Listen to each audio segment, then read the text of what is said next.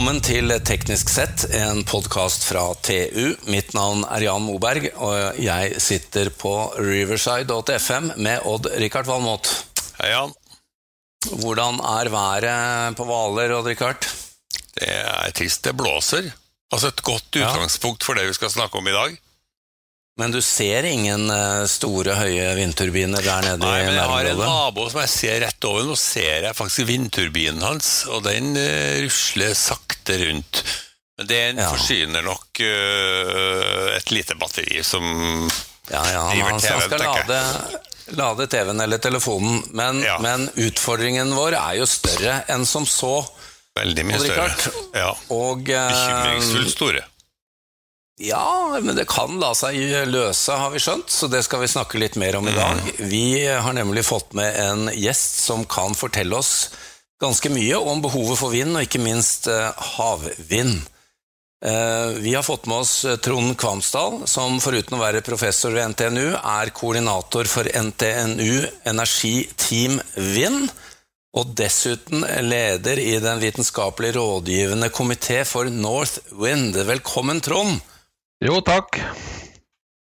Det var jo en munnfull, dette du, eh, du har eh, involvert deg i. Men eh, vi skjønner at du har bakgrunn først. Hvorfor trenger vi mer strøm? Det også er jo et tema vi kan starte med.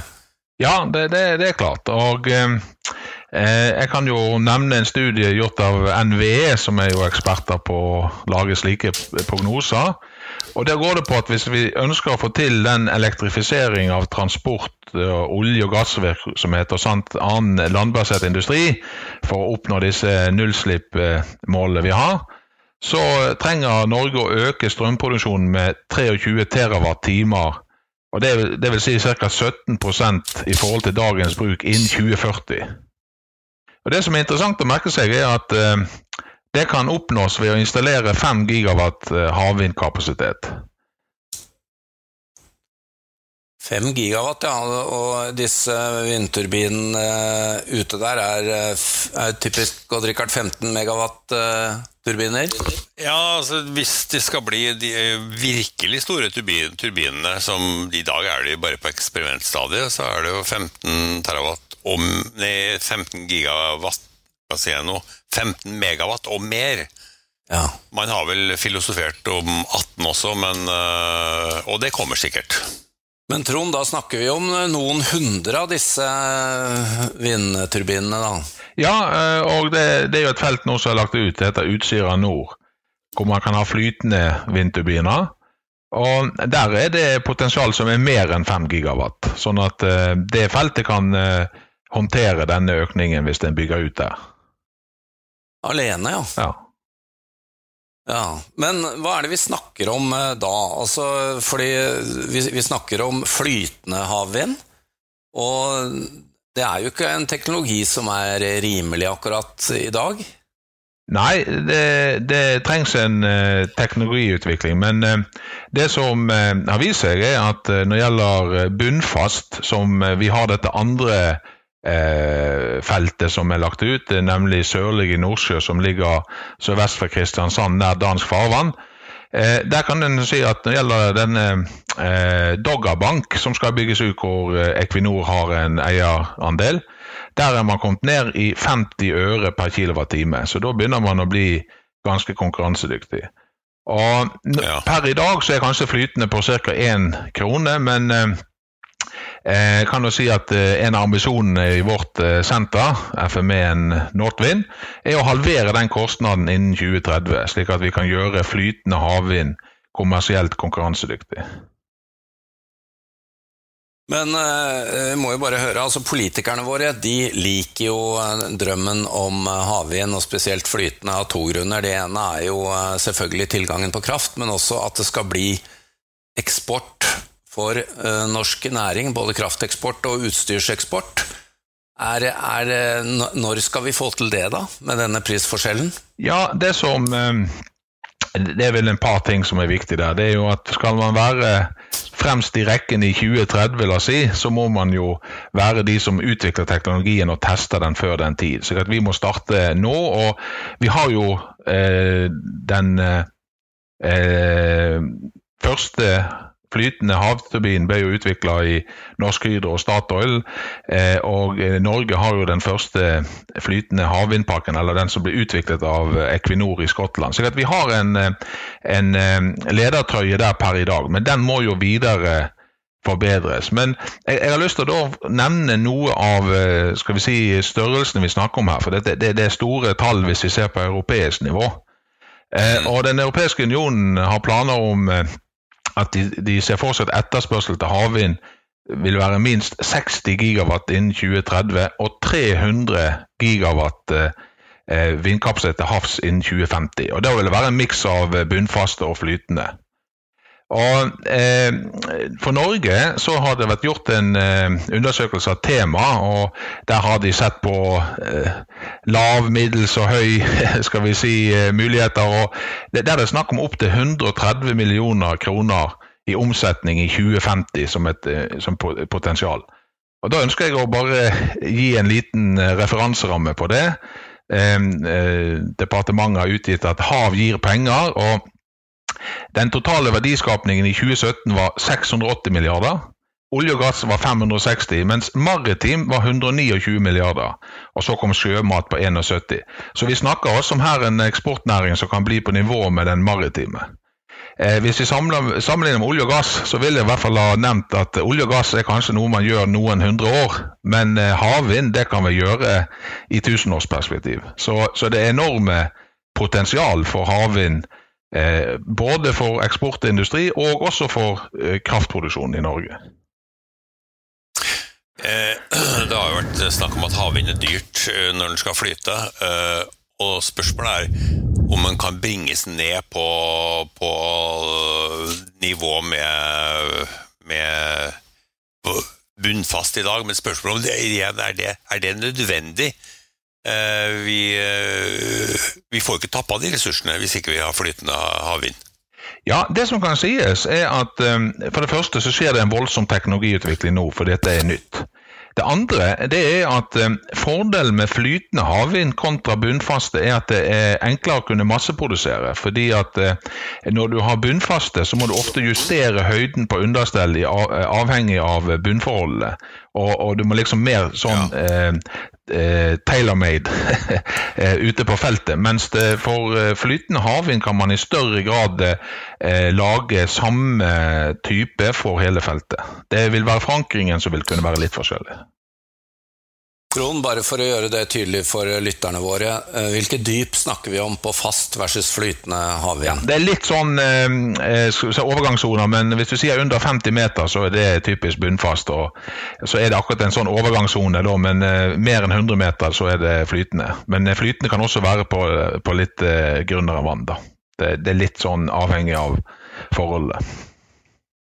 Og så uh, bare referanse til EU-målet om 300 gigawatt i 2050. Det blir jo ganske mange vindturbiner da, rundt om i uh, havområdene i Europa? Ja, det, det er faktisk snakk om størrelsesorden 20 000 vindturbiner hvis de er på 15 megawatt. Så, så, det er jo klart. Men, eh, og størrelsen på de er som et Eiffeltårn, så det er store ting. Men det skal sies at eh, vi ser jo for oss at størsteparten vil være langt til havs, og de vil være gruppert. Så det er helt klart at det må jo en eh, regulatorisk øvelse til, slik at man kan konsentrere disse feltene, slik at en tar hensyn til både den maritime og, fiskerinæringen. Men hvis denne utbyggingen eh, går slik målene tilsier, så, så blåser det jo ikke jevnt over eh, hele Europas havområder. Og, og, man må jo flytte denne strømmen da, hvis man skal få brukt det effektivt. Er, hvor langt etter henger eh, kraftnettet i Europa for å kunne flytte denne kraften etter behov? Ja, det som, det som, kan sies der, som eh, vi fra NTNU og Sintef og forskningsmiljøet ivrer for, er et sånt nordsjønett, slik at i hvert fall landene rundt Nordsjøen kan eh, samarbeide på den kraften som produseres i for, forskjellige eh, skal vi si, eh, lands eh, kontinentalsokler. Så det er én måte å kunne utjevne på. En annen måte er selvfølgelig at eh, når det blåser i Nordsjøen, så blåser det kanskje ikke i Biscayabukten eller i, langs i Middelhavet, men og vice versa. Og Da trenger en selvfølgelig en utveksling eh, på land eh, i tillegg. og Det er det jo en del eh, tanker om, og det er også kraftnett som kan være, sies å være regionale, som kan utjevne. Nå, nå, er jo jeg vel kjent med at Odd Rikard har 687 eh, favorittområder, og jeg har skjønt også at du har i hvert fall ett, Trond, nemlig digitale tvillinger, som henger sammen med det vi snakker om her. Kan du utdype litt hvordan det ville arte seg? Ja, det, Da vil jeg først være litt filosofisk, men eh, kort. Eh, hvis en ser på eh, store vitenskapsmenn i historien, så var det gjort en eh, studie på det. og Aristoteles han eh, eh, levde på 384 til 322 før Kristus. Og han, Foruten dette med å utvikle filosofi, så grunnla han måten å se på kunnskap og vitenskap. Så hans verdensbilde det var kvalitativt og beskrivende. Den neste store giganten er Isaac Newton fra England, som eh, levde fra 1642 til 1726. Og Det viktige er at da kommer han med kvantitativ og prediktivt verdensbilde. Altså Vi fikk modeller. F er lik MA, kraften er lik masse ganger akselerasjon. Det er fundamentalt for det meste som jeg jobber med, også offshore vind. Og da kan vi beregne ting. Så det var, det var gigantisk. Det som vi ser nå, det er det at ved å kombinere slike metoder med eh, data som en får fra sensorer og maskinlæring, så kan disse modellene våre fange opp mer av fysikken, og de kan utvikle seg over tid. Så Vi kaller de for interaktive å utvikle, fordi at den interakterer med det objektet den modellerer, og ja. at de utvikler seg når du får slitasje på bladene, så endrer oppførselen seg. og Det kan vi fange opp med at man har sensorer som da gir tilbakemelding til modellene, som vi da endrer på. Eh, vi kaller det for eh, hybrid analyse og modellering, og det er kjempespennende. Og Det gir oss mulighet til å lage digitale tvillinger med veldig stor fysisk realisme. Og Det vil jo da selvfølgelig kunne brukes til eh, tilstandsbasert vedlikehold. At en eh, istedenfor at du skal holde vedlikehold annethvert år, så gjør du det når det trengs. Og du gjør det med større nøyaktighet. Eh, videre så dette med å optimalisere drift av vindparker. For det er klart at Hvis du har eh, 200 vindturbiner eller eh, flere i nærhet av hverandre, så vil avhengig av vinden noen bli eh, nedstrøms og dermed få mindre vind pga. at de som står oppstrøms, eh, skygger. Og Da går det an å optimere hvordan man styrer bladene for å få økt eh, kraftproduksjon, og samtidig redusert slitasje. Og noen prosent økt kraft, det, det gir milliarder over tid. Slik at eh, det at vi kan eh, da ha modeller som eh, i sanntid kan predikere vinden og hvordan den forholder seg inne i parken, det gir store muligheter. Og Så har vi dette med, med marine operasjoner. Som sagt, var, Hvis vi skal plassere ut eh, hundrevis av eh, turbiner i et felt, så er du avhengig av at været er med. Og Da er det viktig å kunne predikere hvordan værvindu er i løpet av en dag, og eh, kunne gi støtte til eh, de som er på disse servicebåtene og, kranene, hvordan de skal operere de. Og Det kan man også gjøre ved å sette opp en digital tvilling hvor man har både vindfelt, bølger, strøm, båtens oppførsel og det man skal løfte. Så det gir eh, både større sikkerhet og større effektivitet. Det siste punktet som kanskje ikke man tenker på helt sånn uh, umiddelbart, det er at vi, vi i denne FME Northwind eh, har egen uh, fokus og arbeidspakke på dette med bærekraftighet. Og Der tenker vi også at det å sette opp digitale tvillinger kan også brukes for overvåking og, og prøve å optimalisere de effektene en gjør på både på miljøet, um, Eh, også på samfunnet som helhet, og kan du si økonomien. At vi ønsker at vi har en bærekraftig utvikling, så vi kan lage digitale modeller og tvillinger av hvordan eh, en industri utvikler seg over tid. Så det behøver ikke bare være fysiske ting, det kan også være prosesser. Så, så, Det som jeg vil si som eh, gjør at jeg er litt ivrig på dette, det er at eh, her knytter vi sammen forskning, innovasjon og operasjon og drift på en mye tettere måte. For Hvis vi har en sånn modell stående, vi forsker og finner opp noen nye måter å gjøre driften på, så kan det mye raskere settes i eh, operasjonell virksomhet. Så det er en kjempegevinst. Mm. Du, eh, Når vi ser fremover og ser 20 000 eh, gigantiske vindturbiner ute i Nordsjøen, og mange av de skal sikkert stå i norsk sektor også, for dette gjelder vel EØS også, eh, blir det da en ny konfliktsone? Vi håper, Det er jo vi håper mye jo som skal være i samme område. ja, det er det som er at eh, vi håper jo at vi kan eh, gjøre det på en, eh, en bærekraftig måte, sånn at vi tidlig har med aktørene som har interesse. For det er helt klart at havet er stort, men det er nå gjerne slik at det er noen områder som er mer ettertraktet enn andre. Så det er en av de tingene vi også har med i, i den FME Northwind i samarbeid med Universitetet i Oslo, som er verdensledende på, på havrett. Hvordan skal man gjøre regulering av felt for maritim, for fiskeri, for olje og gass, for eh, eh, fornybar energi. Så, så det er en av de tingene vi eh, er obs på, og som vi ønsker å gjøre skal vi si bedre enn kanskje det har vært gjort på land i en del tilfeller. da. Vi har jo vært heldige med oljeindustrien, olje- og gassindustrien, at det har foregått eh, langt fra land, eh, Trond. Og det er vel en av grunnene til at den har vært såpass lite konfliktfylt sammenlignet med andre, andre naturinngrep da, her i Norge. Ja, jeg, har vel det inntrykket at hvis vi Det er derfor jeg eh, jeg syns det er veldig spennende med flytende. Eh, nå er jo Doggerbank eh, bunnfast, men det er så langt ut at vi ser det ikke. Sånn at eh, i hvert fall den eh, visuelle nærheten, den eh, kan vi unngå. Og det tror jeg vil være eh, konfliktdempende. Men som sagt, vi må ta hensyn til at det er andre som også ønsker de områdene som det kan være aktuelt å bruke. Ja, spesielt fiskeri, tenker jeg. Det er viktig å, å gjøre dette i samråd med de. Ja, det, det er helt riktig. Eh, Trond eh, Kvamsdal, avslutningsvis. eh, litt nysgjerrig. Hva, to ting. Hvor lenge, hva er liv, livstiden på en så stor eh, turbin til havs?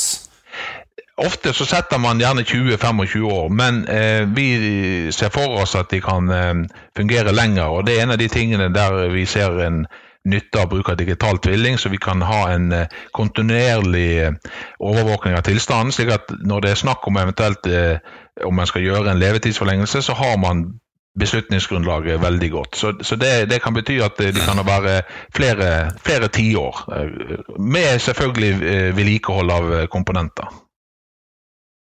Og så lurer jeg på om du avslutningsvis kan si noe om Norge som energinasjon. fordi eh, Odd Rikard og jeg har snakket om dette et par ganger tidligere, at vi, er, vi, har jo vært i en unik situasjon med vannkraften vår, mens når det nå kommer vind og sol og mye annen uh, fornybar kraft rundt om i Europa, så er det ikke sikkert at vi i Norge kommer til å ha den unike posisjonen lenger. Hva tenker dere om det i disse foraene dere, dere holder på med?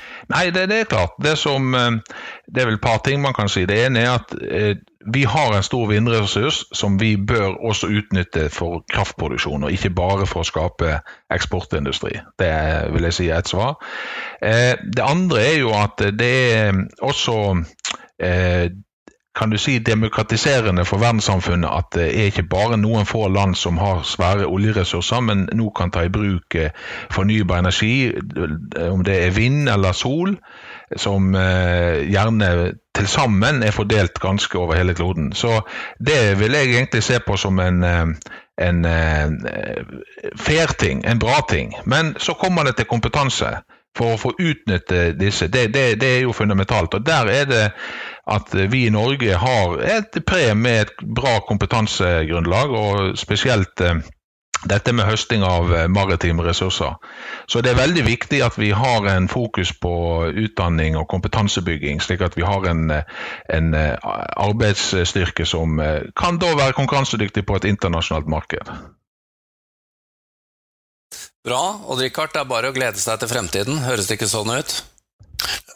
Jo, jeg har stor tro på, på flytende havvind, jeg må si det. Og spesielt fordi at det kan bidra til denne skiftet i verkstedindustrien. Og utnytte av den kompetansen fra, fra, før shipping og så olje, og nå over i vind. Ja. Det er veldig Og, spennende. Hvis jeg kan få lov å han, han følge opp akkurat den, fordi der er jeg veldig enig. Jeg, jeg er såpass gammel at jeg begynte i første klasse i 1971, så jeg har sånn 50-årsjubileum til høsten på en, en, ny skole der. Og jeg husker altså den utviklingen som var for olje i løpet av 70-tallet. Og jeg har sagt i konferanser vi har på Vind at eh, nå er vi tilbake til 71. Altså vi har funnet olje, vi har funnet at vi kan ha flytende, og nå skal det være utvikling. Og det som er viktig da, Og Det er det jeg gjerne speider litt etter, at vi har foregangsmenn innenfor politikken som à la Jens Evensen, Finn Lie og Arve Johnsen. Det ser ut som at vi har en som har litt visjoner à la Arve Johnsen, nemlig den nye lederen i Equinor, Anders Opedal. Som jeg opplever er veldig ja. på nå med å gjøre eh, fornybar energi som en stor sak for Equinor og Norge. Så det, det er min eh, sånn historiske setting per i dag. Det er bra. Han får litt tyn også, leser vi, så det er godt at du, Trond, gir han litt eh, klapp på skulderen. Eh, takk til Trond Kvamsdal, takk til Odd-Rikard Valmot, til vår produsent Sebastian Hagemo, og mitt navn er Jan Moberg. Dersom du ønsker å konsumere enda mer innhold fra oss i TU.no og digg.no, anbefaler vi at du blir abonnent. Det vil gi deg tilgang til alt vårt innhold innen energi, elektrifisering, forsvar, fly, samferdsel, byggenæring, industri, maritime næringer, karriere og mye, mye mer fra vår kyndige redaksjon. Du vil da også få tilgang til alle sakene Odd Rikard skriver om sine 687 favorittområder. Vi har også egne avtaler for bedriftsabonnement, og som om ikke det var nok, medlemmer av Nito og Tekna for halv pris.